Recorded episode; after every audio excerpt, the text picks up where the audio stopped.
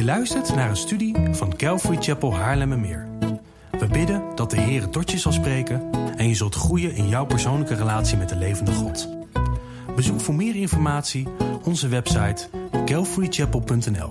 Dat is c a l v a r y c h a p e l.nl.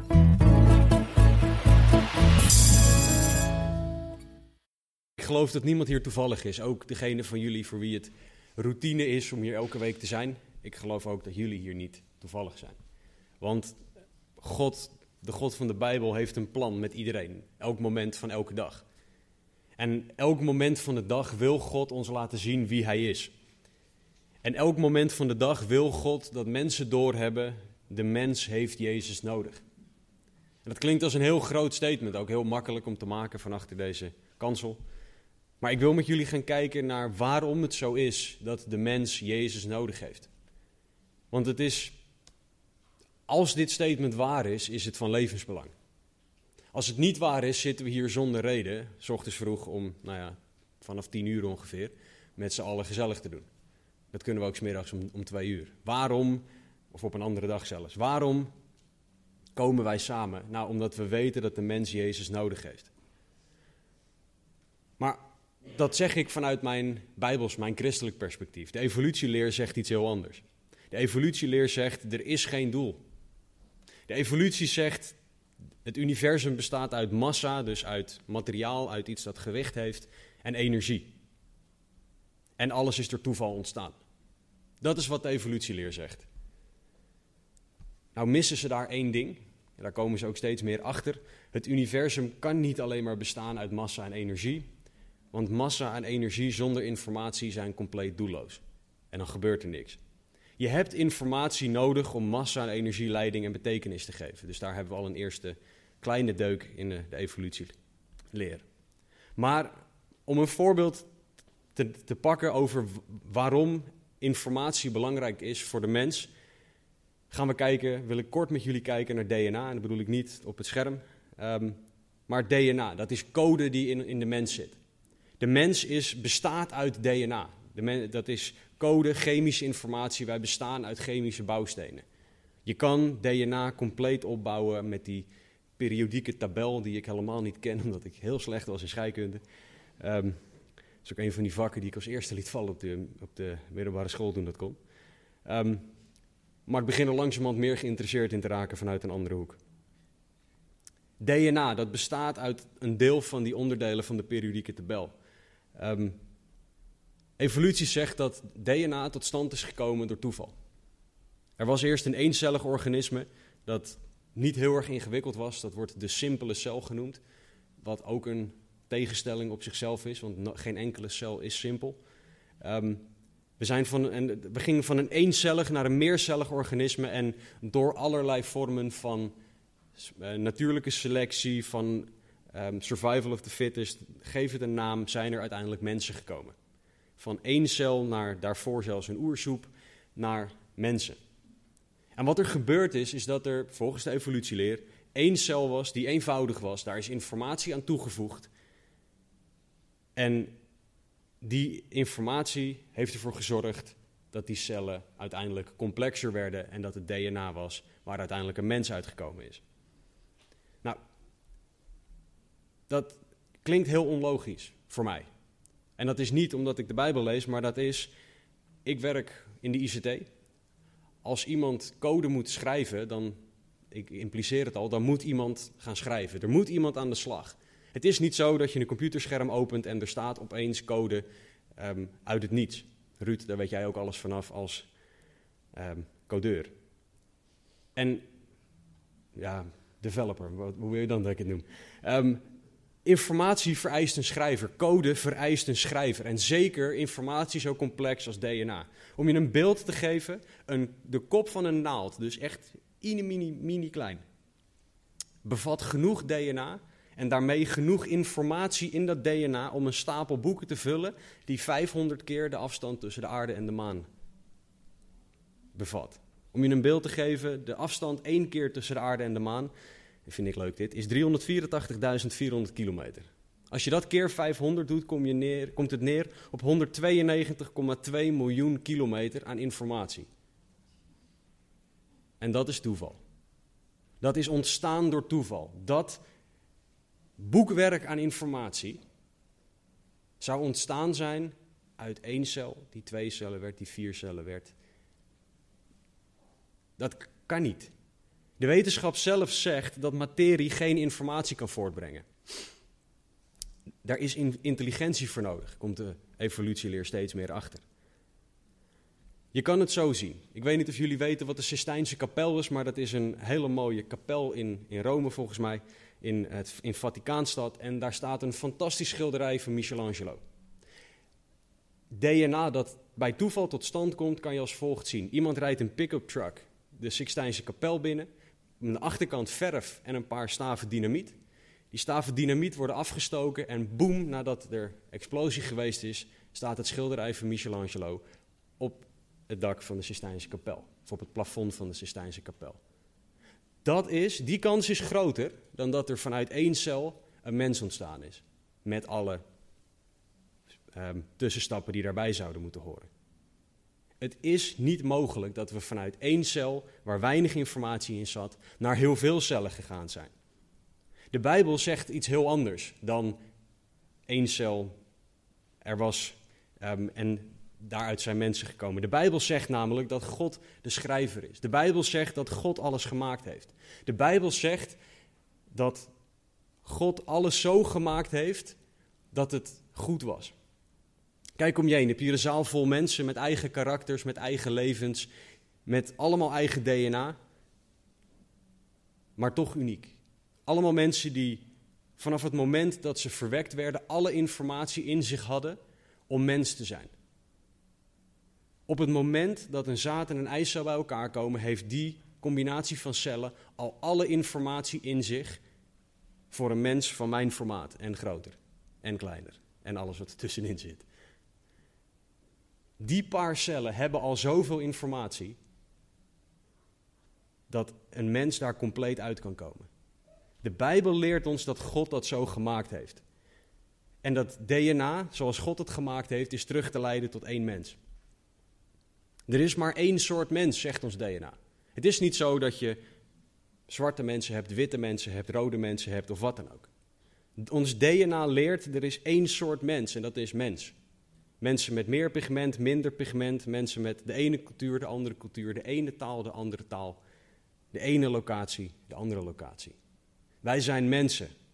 Wij zijn mensen door God gemaakt, zegt de Bijbel. Wij zijn uit het stof gemaakt, zegt Genesis 2, vers 7. Wij zijn mannelijk en vrouwelijk door God gemaakt. Om een relatie met God te hebben. En dat is namelijk ook de reden voor ons bestaan als mensen. En waarom is dit belangrijk? Waarom is dit belangrijk voor het feit dat de mens Jezus nodig heeft? Nou, als wij allemaal verschillende rassen zouden zijn, dan zouden er verschillende doelen voor al die rassen kunnen zijn. Als wij allemaal door toeval tot stand gekomen zijn, dan zouden wij allemaal anders kunnen zijn. En nou zijn we ook wel anders, want niemand is compleet gelijk. Maar doordat wij uit één bron komen, uit één door één God gemaakt zijn voor één doel, kunnen we alle mensen, bedoel ik niet vervelend, maar over één kam scheren. Namelijk dat alle mensen Jezus nodig hebben. De Bijbel leert ons dat God alle mensen gemaakt heeft, dat God alles gemaakt heeft in deze wereld. De Bijbel leert ons dat God alles in zeven dagen schiep. Daar kan je over lezen in Genesis hoofdstuk 1 tot en met hoofdstuk 3. Hij schiep dit uit het niets. In het Hebreeuws is dat het woord bara. In het uh, Latijn is dat ex nihilo, oftewel er was niets. En God die zei, er, er is iets en toen was er wat. Dat is hoe God schiep. Hij schiep het perfect. En hij schiep het zodat er een relatie tussen God en mens kon zijn. Maar als wij om ons heen kijken naar buiten, waarschijnlijk regent het nu weer, dan is de wereld nu niet zoals God die geschapen of bedoeld heeft. Dat heeft niks te maken met dat het regent, ondanks dat we dat misschien niet leuk vinden. Of wel, dat weet ik niet. Maar de wereld zoals wij die nu buiten zien, is niet zoals God hem bedoeld heeft. Want in Genesis 1, vers 31 staat er: En God zag al wat hij gemaakt had, En zie, het was zeer goed. Ik weet niet of jullie het ermee eens zijn, maar als ik naar buiten kijk, zie ik niet dat alles zeer goed is. Ik zie een wereld vol pijn, vol verdriet, vol oorlog, vol mensen die zichzelf beter vinden dan iemand anders. Ik zie een wereld waar geld regeert, waar olie belangrijker is dan bloed. Ik zie een wereld waar zeker niet over gezegd kan worden: het is zeer goed. Vanuit een God die perfect is, vanuit dat perspectief. Er moet iets gebeurd zijn waardoor wij nu met die wereld zitten, met deze wereld zitten, in de plaats van met die het was zeer goed wereld. We lezen in Genesis hoofdstuk 3, vers 1 tot en met 6 dat de eerste mens, Eva, of de tweede mens eigenlijk, Eva, verleid werd door Satan, de duivel. En hij, ze werd verleid om ten eerste te twijfelen aan wat God gezegd heeft. Heeft God echt gezegd? Genesis hoofdstuk 3, vers 1. Ten tweede werd ze verleid om tegen Gods woord in te gaan. Ja, God heeft wel gezegd dat je dat niet mag doen, maar voor jou maakt het niet uit. Jij bent de uitzondering op de regel. Ten derde werd ze verleid om zichzelf aan God gelijk te zien, in de plaats van God veel groter dan wij. En wat gebeurde er? Eva ging in op de verleiding. Ze at van de vrucht, ze gaf het aan Adam en toen werd alles anders. In de plaats van dat Adam en Eva wandelden met God, renden ze weg voor God. In de plaats van dat ze met God praten in alle openheid, verscholen ze zich achter struiken, denkende dat een God die alles ziet niet door een struik heen kan kijken. In de plaats van blij zijn met God waren ze bang voor God. In de plaats van niet doorhebben dat ze naakt waren, reigden ze vijgenbladen aan elkaar. Iemand heeft mij ooit verteld, ik heb het zelf nooit uitgevogeld, maar dat vijgenbladeren ruw zijn en is bijna als schuurpapier. Als ik denk aan de plek waar zij die vijgenbladeren gestopt hebben, moet je je voorstellen, ze hebben er een soort bikini van gemaakt in het geval van Eva en een zwembroek in het geval van Adam. Dat is niet een plek waar ik schuurpapier wil hebben. Maar dat is wat er gebeurde. Dat is de pijn die er kwam doordat zij gezondigd hadden tegen God. Doordat zij tegen Gods woord ingingen. En dat was niet zoals God het bedoeld had. Adam en Eva hadden hun vrije wil gebruikt om tegen God in te gaan. Om tegen God te kiezen in de plaats van voor God. Romeinen 5, vers 12 zegt daar het volgende over. Daarom, zoals door één mens de zonde in de wereld is gekomen, en door de zonde de dood, en zo de dood over alle mensen is gekomen, in wie allen gezondigd hebben. Dit is het probleem van de mens. Dit is waarbij ik alle mensen over één kam wil scheren. Wij hebben dit probleem. Zonde heeft alles kapot gemaakt. Dit is waarom elk mens Jezus nodig heeft. Dit is waarom het belangrijk is dat we weten dat God alle mensen gemaakt heeft. Dat er geen rassen mensen zijn, maar dat er één mens is, één soort mens, die ene soort mens die Jezus nodig heeft. Omdat voor al die mensen van die ene soort er één probleem is. Het probleem achter elk probleem is zonde, is ongehoorzaamheid aan God. Nou, hoe zit dat dan? Nou, Jesaja 59:2 zegt het volgende. Uw ongerechtigheden, zegt God tegen de mens, jullie zonden maken scheiding tussen u en God. Uw zonden doen zijn aangezicht voor u verborgen zijn, zodat hij u niet hoort. Wat, er hier, wat God hier zegt is, je hebt aan de ene kant God. En hij zegt, hier heb je zonde en aan de andere kant staat de mens. Dat is de situatie die er nu gecreëerd is door de zonde waar we over lezen in Genesis 3. En nu zeg jij misschien, ja, maar wie ben jij om mij een zondaar te noemen? Nou, ik ben dat niet. De Bijbel zegt dat jij en ik een zondaar zijn. De Bijbel zegt in Psalm 53, vers 3: God heeft uit de hemel neergezien op de mensenkinderen, oftewel op iedereen. Om te zien of er iemand verstandig was. Iemand die God zocht. En Gods conclusie is: ieder van hen heeft zich afgekeerd.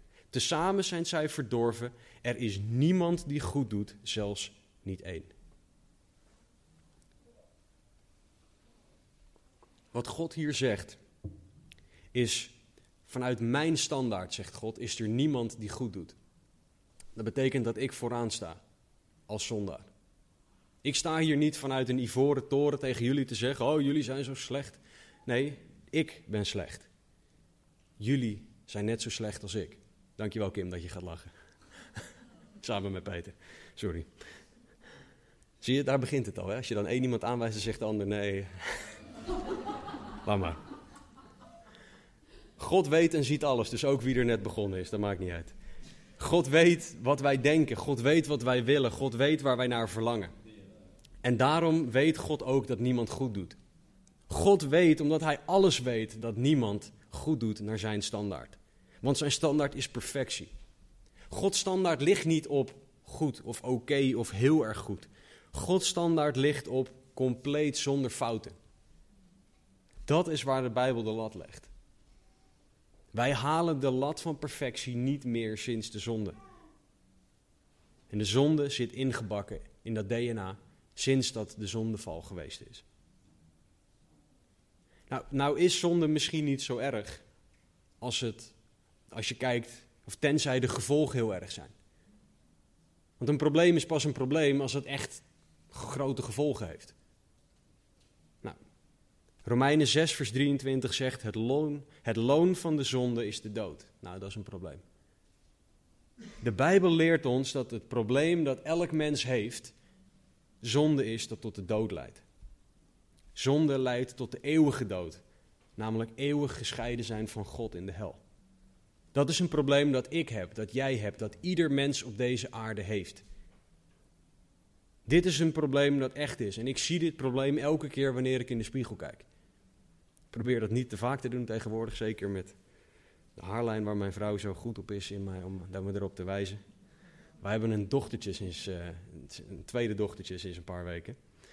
En er zijn al een aantal mensen geweest die hebben gezegd: hé, hey, ze heeft jouw haarlijn. Dank jullie wel. Alvast. Bedankt. Dit probleem en mijn haarlijn, maar ook het probleem van de zonde, zie ik elke dag in de spiegel. Dit is de situatie van de mens door de zonde. En dit is de reden dat de mens, ieder mens, ongeacht afkomst, cultuur, pigmenthoeveelheid, taal, het maakt allemaal niet uit, iemand nodig heeft om het probleem op te lossen. En dit is waar Gods hoop begint. Dit is waar God zegt: Ik weet wat jouw probleem is.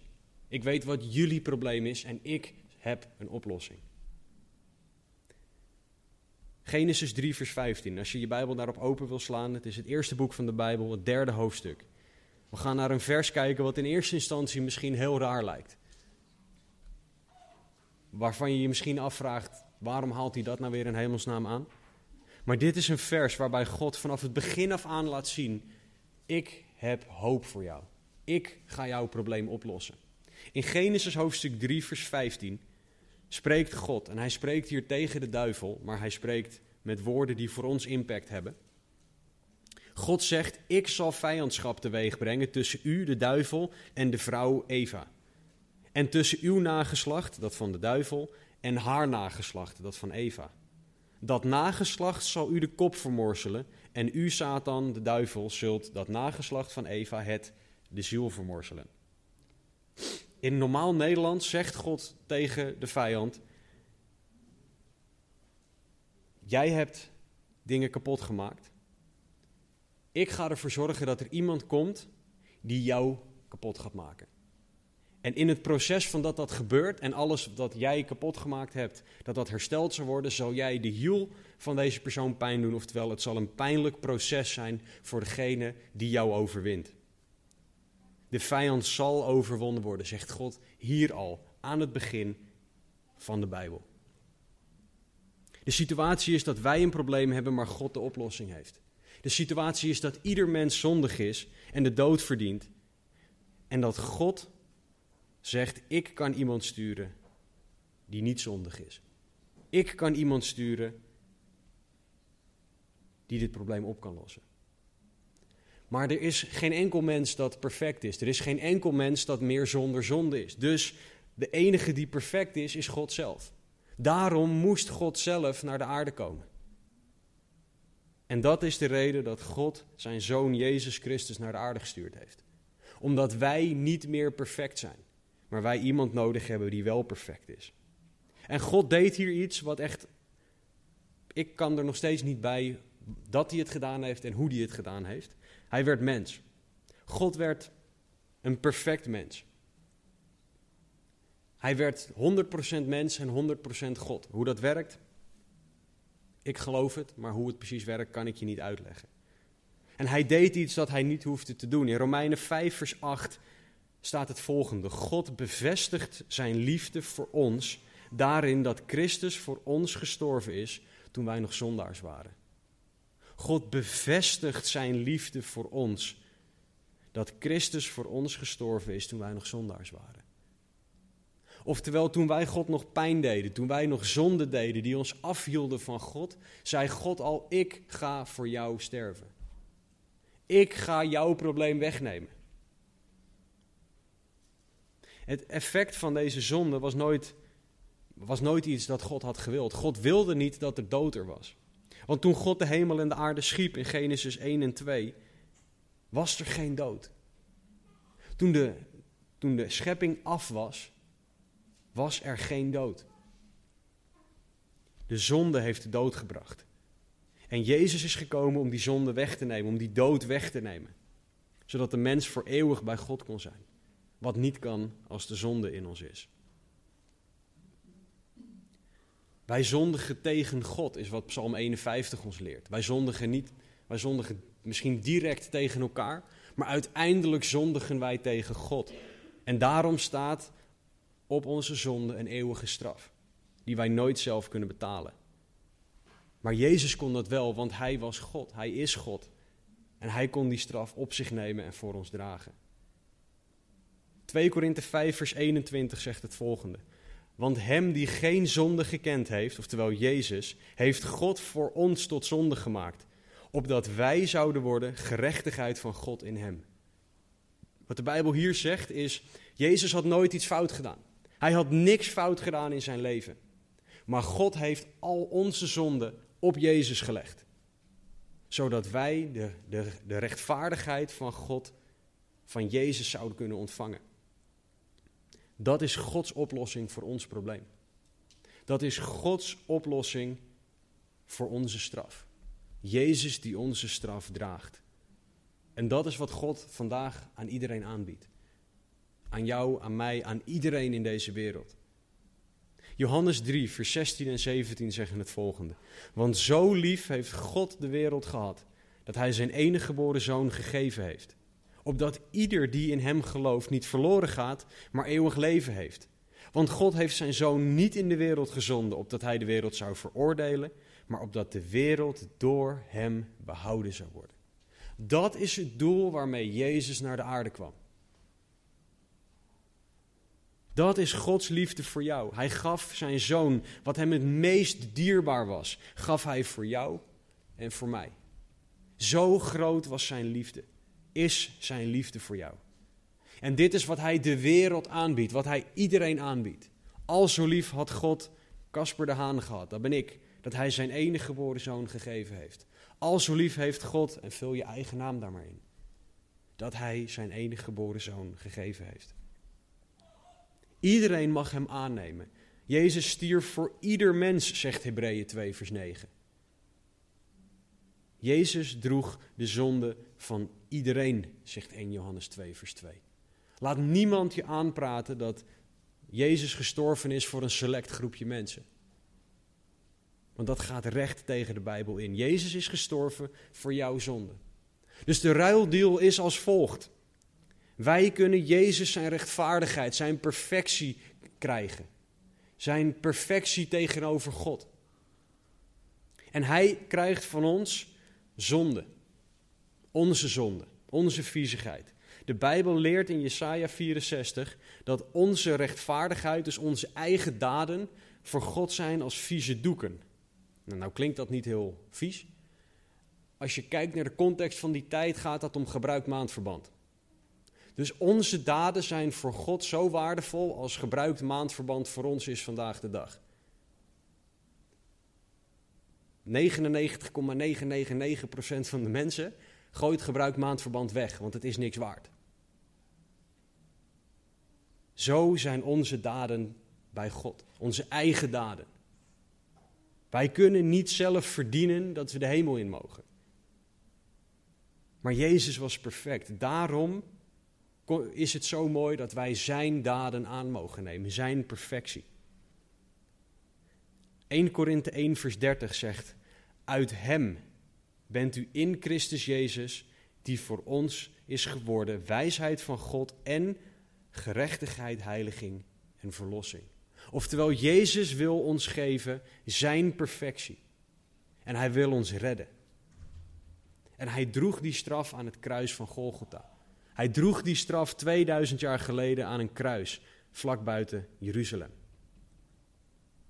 Dat is wat Jezus voor jou, wat Jezus voor mij gedaan heeft. Dat is de reden waarom wij samenkomen op zondag. Dat is waarom Jezus zo belangrijk is voor elk mens. Dat is waarom het belangrijk is dat wij weten dat er één soort mens is, geschapen door God, met het doel dat God voor ons heeft. Want die ene mens, die ene soort mens, mag ontvangen wat God voor die soort mens heeft. Als de evolutie waar zou zijn, dan heb je allerlei soorten mensen met hun eigen problemen. God zegt, er is één soort mens met één probleem. En Jezus kwam om dat ene probleem op te lossen, namelijk zonde. Jezus kwam om de scheiding tussen God en mens weg te halen. En dat deed hij door te sterven.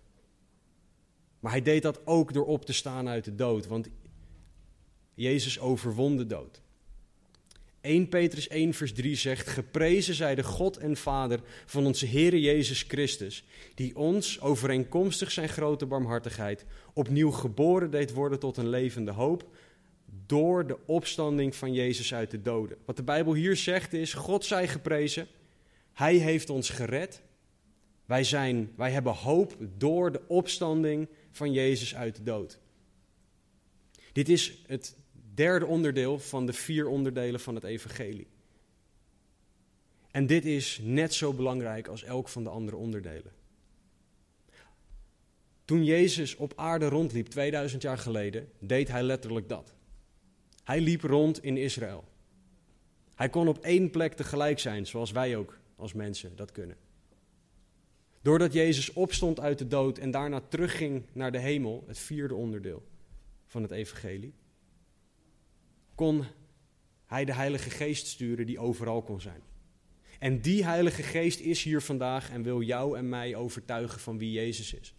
Die Heilige Geest wil jou overtuigen van zonde, gerechtigheid en oordeel. Want zonder de Heilige Geest zullen wij God nooit kunnen zien. Zonder de Heilige Geest zullen wij nooit inzien hoeveel Jezus van jou houdt en hoeveel je Hem nodig hebt. Dus mijn gebed voordat we hier kwamen was: Heilige Geest, laat iedereen zien wie Jezus is. Als jij wil gaan leren kennen wie Jezus is en wat Hij voor jou gedaan heeft, dan mag je vragen: God, laat me zien wie Jezus is en hoe hard ik Hem nodig heb. Als je dat gaat doen, belooft God dat Hij zal laten zien wie Hij is. Als jij gelooft in Jezus, belooft God dat je eeuwig leven hebt. Johannes schrijft in zijn evangelie dat hij zijn evangelie geschreven heeft, opdat u gelooft, vers 31, dat Jezus de Christus is, de Zoon van God, en opdat u door te geloven het leven zult hebben in zijn naam. Eeuwig leven. Dat is wat God belooft aan de mensen die in Hem geloven. Eeuwig leven is wat God belooft aan zij, of aan de mensen die hun leven overgeven aan God. Die zeggen: Ik wil ontvangen wat U voor mij hebt. Ik wil ontvangen wat Jezus voor mij gedaan heeft. God belooft dit en hij houdt zich altijd aan zijn woord. God belooft eeuwig leven. God belooft dat hij altijd bij je zal zijn, dat hij je leven zal veranderen. En nu denk je misschien, ja, maar je weet niet wat ik gedaan heb. Nee, dat weet ik ook niet. En dat hoef ik ook niet te weten. Want God weet en dat, en dat is het belangrijkste. God heeft gezegd dat iedereen bij hem mag komen. Dus dat betekent dat geen zonde te groot, geen zonde te klein is. Dat jij niet te ver heen bent om nog door God gered te kunnen worden. Jij bent niet te dom, te intellectueel, te wat dan ook om gered te kunnen worden door God. God die kan en wil iedereen redden. Het maakt niet uit wat jouw situatie is op dit moment, maar God houdt van jou. Hij is voor jou gestorven. Hij stuurde voor jou zijn zoon naar deze aarde. En zijn belofte is: als jij mij jouw leven geeft, zal ik jou redden. Zal ik jou redden van de eeuwige dood. En hij heeft zijn trouw bewezen. Vraag dat maar aan de mensen hier in deze zaal. Hij heeft bewezen dat hij trouw is. Dat hij goed is. Dat hij liefde is. Door de Bijbel heen zien we ook Gods trouw. En we kunnen Hem volledig vertrouwen. En je mag God vandaag dan ook uitdagen. Je mag tegen God zeggen: Heer, laat u zelf zien. Want ik wil in u geloven, maar ik zie u op dit moment niet. Je mag God oprecht vragen om te laten zien dat Hij echt is. En dan mag je ervan uitgaan dat Hij dat ook gaat doen. God wil jou vreugde in de plaats van verdriet geven. Hij wil alles wat er in jouw verleden gebeurd is, wil hij gebruiken voor zijn doel. Hij wil de pijn van het verleden wil hij wegnemen. En hij wil je blijdschap geven. De God die jouw DNA schreef, zegt dat hij oneindig veel van jou houdt. De God die jouw DNA schreef, gaf zijn zoon voor jou. Omdat hij weet, jij bent een mens en een mens heeft een probleem van de zonde. En de zonde is een probleem dat je niet zelf op kan lossen. Maar daarvoor stuur ik mijn zoon. Deze God die zegt dat op het moment tussen jou en hem niet alles perfect is. Omdat zonde tussen jou en hem instaat. En jij weet wanneer je je ogen s'avonds dicht doet om te gaan slapen, wat er tussen jou en God instaat. Jij weet welke dingen jij doet. Ik hoef het niet te weten. Maar God wil dat probleem voor jou wegnemen. Zodat je eeuwig bij Hem kan zijn. En vandaag is de dag dat jij Jezus aan mag nemen. Vandaag is de dag dat jij je leven aan God mag geven. Dat jij mag gaan inzien en gaan leven voor Hem. We gaan straks samen avondmaal vieren. Dat is waarom die twee schalen hiervoor staan. En wat we dan doen is we, we vieren wat Jezus voor ons gedaan heeft. Jezus stelde het avondmaal in, voor de, in, in de evangelie. Hij zei hier tegen zijn gelovigen, tegen zijn discipelen, dat ze moeten denken aan wat Jezus gedaan heeft. Dat ze dat mogen gedenken, moeten gedenken. We gaan een eeuwigheid nodig hebben om dankbaar te zijn, maar dit is een moment waarop wij samen dankbaar zijn voor wat Jezus gedaan heeft. Dat wij dankbaar zijn voor zijn offer, dat zo ontzettend groot is. Dat is wat wij vieren vandaag. Jezus offer aan het kruis. Als jij Jezus niet kent vandaag, dan wil ik je uitdagen om zijn offer aan te nemen. De God die jou lief heeft, de God die alles van jou weet, zegt: Kom bij mij. Met alles wat je hebt, met alle rotzooi, met alle pijn, verdriet, alles wat er in je verleden gebeurd is, kom bij mij. Want ik hou van jou. Die God die zegt tegen jou vandaag: Vertel mij dat je een zondaar bent. Vertel mij dat je mij nodig hebt. Beleid je zonde en geloof in mij. Dat is wat God vandaag tegen jou zegt. En hij gaat jouw leven veranderen. Hij gaat je eeuwig leven geven. Hij gaat je leven omdraaien. Hij gaat je draaien van zonde naar zijn liefde. En, al doe je al, en dat krijg je en ontvang je door zijn genade aan te nemen. Door te geloven in hem. Dus bekeer je vandaag. Oftewel, zeg tegen God: Ik wil niet meer die zonde, die oude dingen, maar ik wil wat u voor mij hebt. God wacht met open armen en hij houdt van jou. Als Jezus jouw redder is, als jij Jezus aangenomen hebt, vier dan straks het avondmaal mee.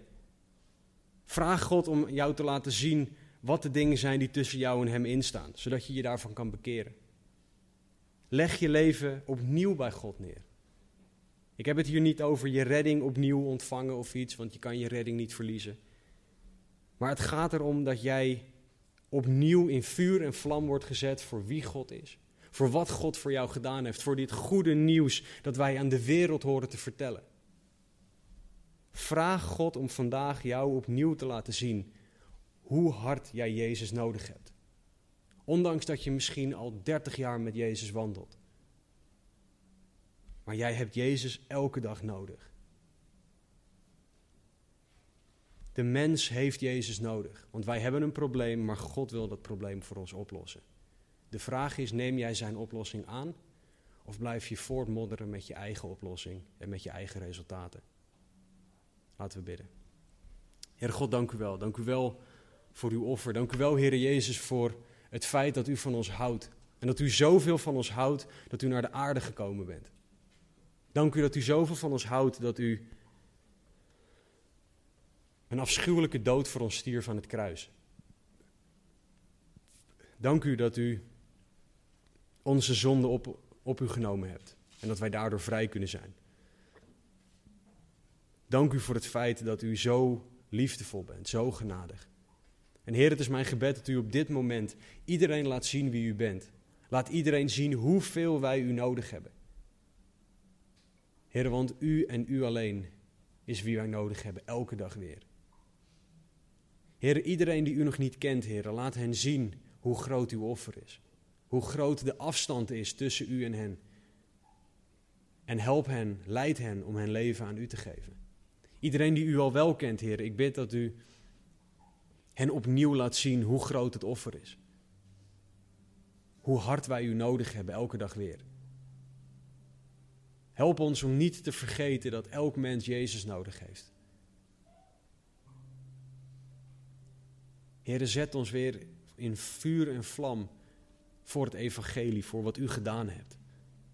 Vergeef ons waar wij niet gedeeld hebben met mensen, waar wij ons schamen misschien voor het evangelie. Waar wij mogelijkheden voorbij laten gaan om mensen over u te, te vertellen. Help ons om uw woord te prediken naar mensen, gelegen of ongelegen. Dank u wel dat we dit überhaupt mogen bidden. En dat dat komt doordat u, Jezus, aan het kruis gestorven bent voor ons. Dank u wel.